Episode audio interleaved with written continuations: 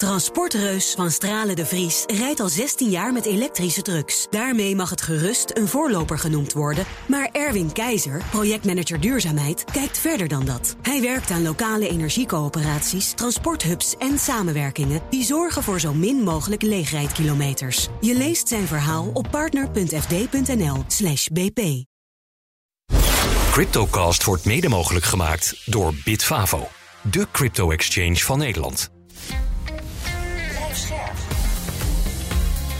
BNR Nieuwsradio. Cryptocast. Herbert Blankenstein. Welkom bij de Cryptocast. Met vandaag een terugblik op de bear market die achter ons ligt. Met de rechtszaak van FTX-topman Sam Bankman-Fried als klapstuk en sluitstuk. En 2023 stond in het teken van de ETF-aanvraag van BlackRock.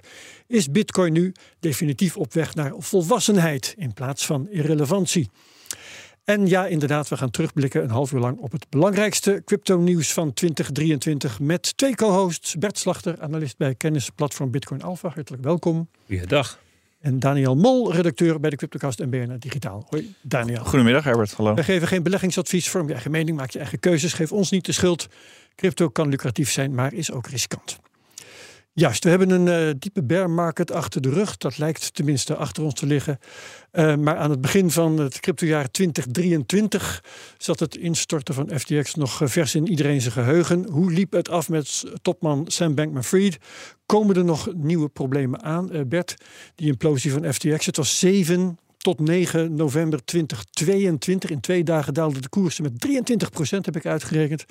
Van 22.600 naar 15.900 zo'n beetje. Ja, heeft dat nog lang nageijld? Merken we dat nu nog? Ja, aan de koersen niet meer. Hè? Dat kunnen we gewoon zien. die dalingen die zijn uitgewist. Eigenlijk heel 2022, daar zijn we overheen. Maar bijvoorbeeld de reputatie van crypto, uh, is, is, is, die nog, is die nog shaky?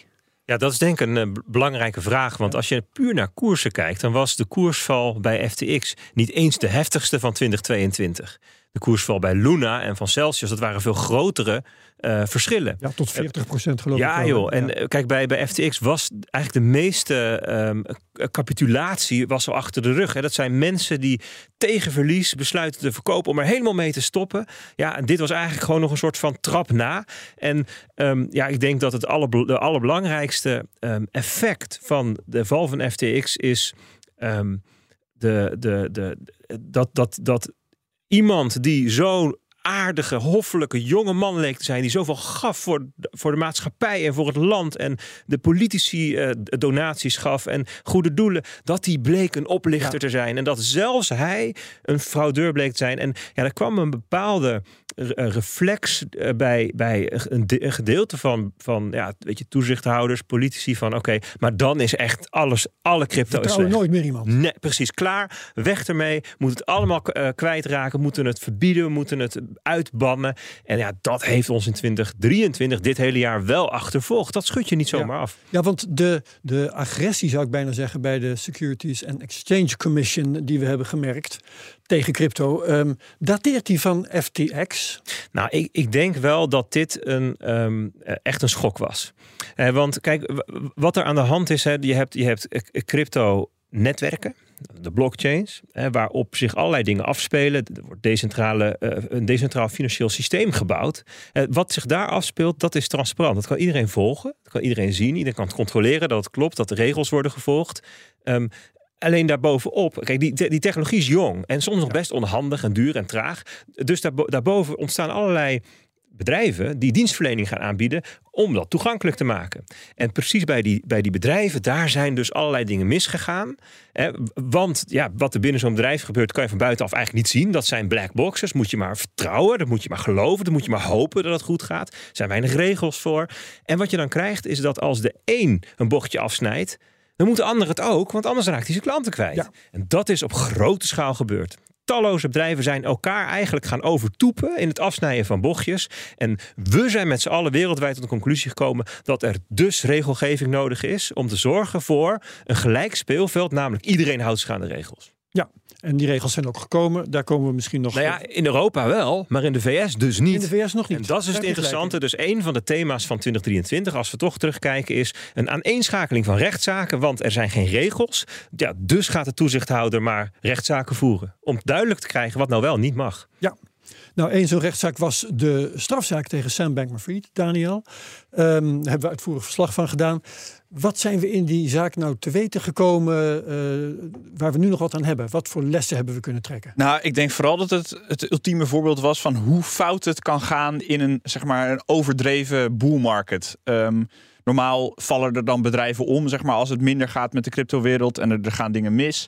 Dit keer, eh, dit was echt de eerste keer dat we tot op detailniveau te horen kregen wat er dan in dat FTX gebeurde. Wat er zo, wat, wat, die betonrot, die zag je echt. Nou, en dat ging dus zover als zeven verschillende balansen van, van, één, eh, van één begroting, zeg Kies maar. de handigste maar uit. Ja, precies. Welke, welke past het best? Sturen we die op? Al dat soort dingen. Ook de, de manier waarop er gewoon met miljarden geschoven werd. hey, kan je dit even overmaken? Ja, tuurlijk, joh, prima. Al dat soort dingen. eh, Maar was het nou een ei- eigenschap van crypto of was het een eigenschap van een toevallig stel nerds bij elkaar? Ja, dat is eh, de- eh, absoluut geen eigenschap van crypto, maar wel eh, een eigenschap die past bij zo'n boelmarkt waar, al- waar iedereen gewoon alleen maar geld aan het verdienen is. En FTX, inderdaad, eh, eh, Bert zei het net al heel terecht. Sam Bankman-Fried was de, de wonderboy van de Amerikaanse crypto-industrie. Die zat bij iedereen op schoot. Politici liepen met hem weg. eh, de media liep met hem weg. En dat bleek dus allemaal een leugen te zijn. En in die rechtszaak werd het heel pijnlijk duidelijk wat voor kaartenhuis dat, dat uiteindelijk bleek te zijn. Eh, de jury heeft een uitspraak gedaan, schuldig op alle aanklachten. Ja. Ehm, hoe gaat het verder met Sam Bankman-Fried? Hij zit nu gewoon in de nor. Ja, zeven grote aanklachten liepen er tegen hem. Daar is hij allemaal schuldig op bevonden. Dus dat gaat, nou ja, we- de, de, de uitspraak van de rechter beg- eh, gaat eh, volgend jaar volgen, begin volgend jaar. De strafmaat. Eh, ja, precies. Eh, en eh, dan gaan we te horen wat voor celstraf hij precies gaat krijgen. Nou ja, we durven nu toch allemaal wel te zeggen dat gaat wel echt tientallen jaren worden. Ja. Eh, en namens de Cryptocast wensen we hem allemaal veel sterkte. Ehm, en dan is hij nog overigens niet uit de penarie, want er lopen nog allerlei andere procesjes die ook, ik bedoel, minder spectaculair en groot dan we nu hebben gehad. Wat vind jij daar dan trouwens van? Want eh, die gigantische strafmaat eh, die we inderdaad verwachten, moeten we nog even afwachten, maar eh, die tientallen jaren. Is dat passend? Of is dat een weergave van ja, de wraakzucht van de maatschappij tegen crypto? Ehm, nou ja, kijk, ze hebben een voorbeeld van hem ge- eh, gemaakt. Dat is heel duidelijk. Ook op de manier waarop al zijn, zijn collega's hem eh, erbij hebben willen lappen. Die zijn allemaal als getuigen aan boord gekomen en hebben alles eh, erbij gelapt. Ehm, ja, kijk, het blijft eh, witte bordencriminaliteit. Eh, het is geen massamoordenaar of geen terrorist of zo, Sam Bankman-Fried. Ja, en, en CZ van Binance, die krijgt waarschijnlijk voor. Ja, waarschijnlijk deugt hij net zo min en die krijgt een veel lichtere straf. Ja, voor, nou eh, ja, er zijn inderdaad wat, wat verschillen. Eh, Het feit is alleen wel dat hij, of het nou expres was of per ongeluk en een beetje nalatig. Het feit is wel dat hij gewoon miljarden eh, heeft mensen kwijtgemaakt. in het Heeft. ongeluk heeft gestort. Ja, ik, vind, ik denk wel belangrijk om te zeggen dat CZ, hè, dus de, de CEO van Binance, daarvan weten we nog niet of hij zich daadwerkelijk net zo misdragen heeft. Hè. Dus. CZ heeft nu, eh, er is geschikt, en dat ging voorna- voornamelijk over het, het, het, het witwastoezicht. Vergelijkbaar met Arthur Hayes van BitMEX destijds. Die mocht ook huisarrest, enkelband een tijdje. Weet je wel, dat is, die twee zijn nu vergelijkbaar. Maar er is nog geen bewijs of beslissing van een rechter dat ook Binance klantengoeden heeft vermengd met eigen en weet je, frauduleuze handelingen heeft gepleegd. Dus Sowieso ik zijn denk wel- geen klanten benadeeld op dezelfde manier als bij FTX. Exact, laat ik zo zeggen dat ik denk het goed is om daar nu in ieder geval nu nog een scheiding tussen eh, Ja, aan te ja, ja, brengen. ja. Mijn vraag was eigenlijk meer, nou, zou, zou CZ werkelijk minder slecht zijn dan... Ja, eh, dat moet maar dat weten we dus. Ja, ja, dat weten we. Eh, maar er zijn wel meer van dat soort figuren die in 2022 tegen de lamp zijn gelopen. We hebben Do Kwon natuurlijk van Terra Luna. We Ja. hebben Alex Mashinsky van Celsius, die trouwens pas in september voor de rechter komt. Maar oké, Ja. hij komt voor de rechter. Eh, hoe schat jij die zaken in? Gaan die net zo geruchtmakend worden als die van Sam Bankman-Fried? ja, het is een, een, een behoorlijk lijstje. Do Kwon in de gevangenis, pas uitgeleverd. Ik geloof dat hij naar eh Montenegro naar, ja, weet je ja, niet, Amerika Korea of Zuid-Korea. Ja. Mashinsky in de gevangenis. eh, ehm, het Bitboy, dat is ook zo'n zo'n fraudeur. Die was zijn kanaal kwijt. Eh, Three Arrows Capital, de ene is op de vlucht, de andere in hechtenis. Je kan het eigenlijk lijstje aflopen van eigenlijk alles wat er is misgegaan. Dan zie je ook wel een soort van gerechtigheid ontstaan. Hè? Maar ja, wordt het zo geruchtmakend? Dat denk ik niet. Ja. Ik denk dat het, ehm, we eigenlijk ook ehm, zeg maar de ellende van 22 in de achteruitkijkspiegel klein zien worden. Ja. En dus we kijken straks in maart nog even naar het aantal jaar. Wat Sam Bankman-Fried is toch een beetje een soort soap. We moeten toch eigenlijk de laatste aflevering van het seizoen moeten we nog even hebben. En dan is dat ook klaar. En dan gaan we denk ik weer voor uitkijken. Ja, en hoe hoger de koersen, hoe minder we daarin geïnteresseerd zullen zijn, vrees ik. Hè? Toch wel, ja. Ja, ja, ja. Oké, laten we het over de koersen hebben dan, Bert. Analist bij kennisplatform Bitcoin Alpha, zeg ik Dat altijd ook bij immers, dit ja. stadium. Eh, we gaan even naar de cryptomarkt van het afgelopen jaar kijken. Hè, want daar zit het moment voor. Het begon vol kommer en kwel. We stonden op 1 januari, ik geloof op 16.000 dollar en nog wat. Maar net boven het absolute minimum van eh, deze Klopt. market. Vertel eens, hoe, eh, hoe Ja, was als ik- bij jou de stemming op dat moment? Ja, als ik, als ik het jaar zou moeten bekijken, dan zou ik hem in drie delen onder, verdelen. En het eerste deel, ehm, dat heeft te maken met die opening inderdaad op 16.500 dollar. Dat is ook een beetje de gemiddelde koers van november en december van het jaar daarvoor. Hè. Dus na ehm, eh, ehm, FTX kletterde dat naar rond dat niveau. Nou, het laagste punt was dan 15.400. Exact op de dag dat... De Nederlandse bank. nou ja, nee, de ECB. Hè, de dat- ECB, neem, neem ik niet kwalijk. Ja, ja. eh, eh, vol trots vermelden dat eh, Bitcoin op weg was naar irrelevantie. We hebben het er pas over gehad. En eigenlijk heel snel aan het begin van het jaar kwam daar verandering in. Op 10 januari begon de stijging. Vanaf rond die 16.000 eh, dollar. En op 14 januari zaten we al boven de 20.000. Dat was echt een, ja, best wel een ehm, eh, onverwacht begin van het jaar, denk ik. Ehm, nou ja, dat, dat, eh, februari kwam maart. Toen kregen we in maart kregen we de, de bankencrisis in Amerika.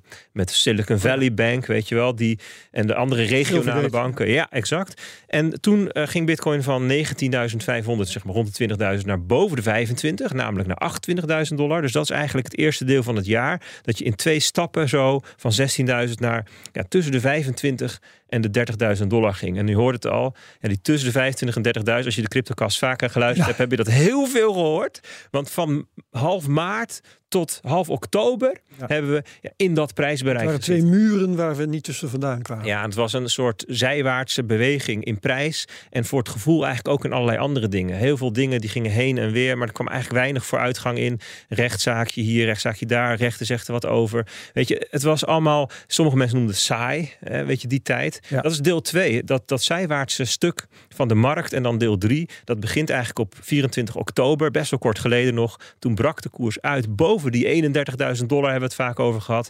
Ja, en toen zaten we ineens 60 dagen later zaten we 70% hoger op 45.000 dollar. Dus dat is eigenlijk ehm, in drie stukken zou je Ja. zo de markt van 2023 kunnen zien. En de, de stormbram die ons tussen die muren vandaan heeft geholpen, dat was eh, de ETF-aanvraag van BlackRock. Hè? Daar Zeker. gaan we Ja. zo nog uitgebreider over Ja. praten. Maar ehm, ja, eh, dat, dat was de grote, hoe moet je dat nou zeggen? De grote bevrijder, de grote... Ja, toch wel. Kijk, ehm, er zitten twee aspecten aan. We gaan inderdaad zo meteen denk ik wat uitgebreider op in. Maar het, het gaat om de eigenschappen van dat product. En het gaat ook om de naam en de reputatie die eh, specifiek BlackRock daaraan ja, verbindt. want er waren geloof ik wel tientallen aanvragen geweest in de afgelopen tien jaar. Zeker. Dus eh, ja, eh, de, de, het is de reputatie van BlackRock geweest, neem ik aan, die hier het verschil heeft gemaakt. Ook Ja. tegenover de Ja, SEC, denk ik. Ja, het, zijn, het is een combinatie van eh, dat we het nu hebben over een spot-ETF. Niet over een op derivaten gebaseerde ETF. En dat het BlackRock is. En die combinatie is, is ja, denk ik, ehm, baanbrekend. Maar daar moeten we zo inderdaad even wat dieper op in, eh, inzoomen nog. Ja, eh, en we eh, hebben ook nog altcoins. Die zijn net zo goed in de lift op dit moment. Wat is het verschil als jij het zo door je oogharen bekijkt nu op dit moment tussen bitcoin en altcoins? Ja, ik denk dat je daar wel een beetje gekleurd wordt door de, door de recente historie, door de afgelopen twee maanden. Daar hebben de altcoins namelijk best prima gedaan. Dus als je naar de stijging vanaf die half oktober kijkt, dan, ehm, eh, eh, dan kom- komen altcoins in zijn algemeenheid goed mee. Ehm, waarbij overigens het heel interessant is om op te merken dat gemiddeld al die altcoins met Bitcoin mee konden komen. Maar als je het over een gemiddelde hebt, moet je ook altijd kijken naar de spreiding. Mhm. En als je dat doet, dan zie je dat er ongelooflijk grote verschillen zijn. Dus de altcoins onderling. Ja, dus je ziet sommige altcoins die hebben ehm, ehm, ten opzichte van Bitcoin meer dan 100% beter gedaan. 150%. Dan moet je denken bijvoorbeeld aan Avalanche en Solana, Celestia. Eh, en er zijn er ook die hebben flink verloren ten opzichte van Bitcoin. Litecoin bijvoorbeeld, en Ripple en Tron en Binance Coin. Al- Allemaal ook wel verklaarbaar. Maar dat is dus, je ziet, dit, dit is geen alt-season. Daar hebben we het ook wel eens over gehad. Er is een een periode in de marktcyclus dat alle alts het goed doen. Maakt eigenlijk niet uit wat je kiest. Dat doet het gewoon beter dan Bitcoin en doet het goed. Dat is dit niet. Dit is een, dit is een heel ander soort stuk van de marktcyclus. Waarbij heel specifiek het heel erg goed doen. Het zijn er overigens soms ook die gewoon heel slecht deden vorig jaar, die dus wat meer mogen kunnen herstellen. En dat sommigen wat minder goed doen. Dus dit is een heel, wat dat betreft, een hele eh, interessante periode. En dan kijken we de laatste twee maanden, kijken we naar het hele jaar. Dan hebben altcoins het in het algemeen slecht, een stuk slechter gedaan dan Bitcoin. En dit is echt de fase van de marktcyclus dat Bitcoin als ja, toch stabielste, oudste, meest vertrouwde, eh, grootste netwerkeffect, de grootste jongen eh, de leiding neemt. Ja, en ook het meeste steun heeft van uh, een, een Bitcoin-ETF. Exact. Als dat de cruciale factor is, dan uh, geldt die ook alleen voor Bitcoin. Klopt. Mag je aannemen. Ja. Uh, gaan we het daar dus nu over hebben. Um, een Bitcoin-ETF, spot-ETF in Amerika. Ehm, ja, al met al denk ik toch wel het allerbelangrijkste nieuws van het hele jaar. Niet waar, Daniel? Dat de heilige graal hebben we over eens zijn. Ja, precies mede ook door de geschiedenis. Hè, van tien Ja. jaar aanvragen, te beginnen met de broertjes Winkelvos, die dat er nog eens een keertje verzonnen hebben, maar het deksel op de neus kregen van de ETF, sorry, van de, van de SEC. Ehm, welke bedrijven zijn er eigenlijk op dit moment in de race naast BlackRock? Nou, als ik de, eh, dit, deze lijst een paar jaar geleden had opgenoemd. eh, en dat het allemaal serieuze kanshebbers waren, zeg maar, met, nou ja, laten we zeggen, 90% plus kans op goedkeuring. Dan had je me denk ik voor gek verklaard. Eh, maar we hebben het over Fidelity, hele grote vermogensbeheerder. Van Eck, eh, Franklin Templeton, Invesco, Wisdom Tree, Ark, Grayscale.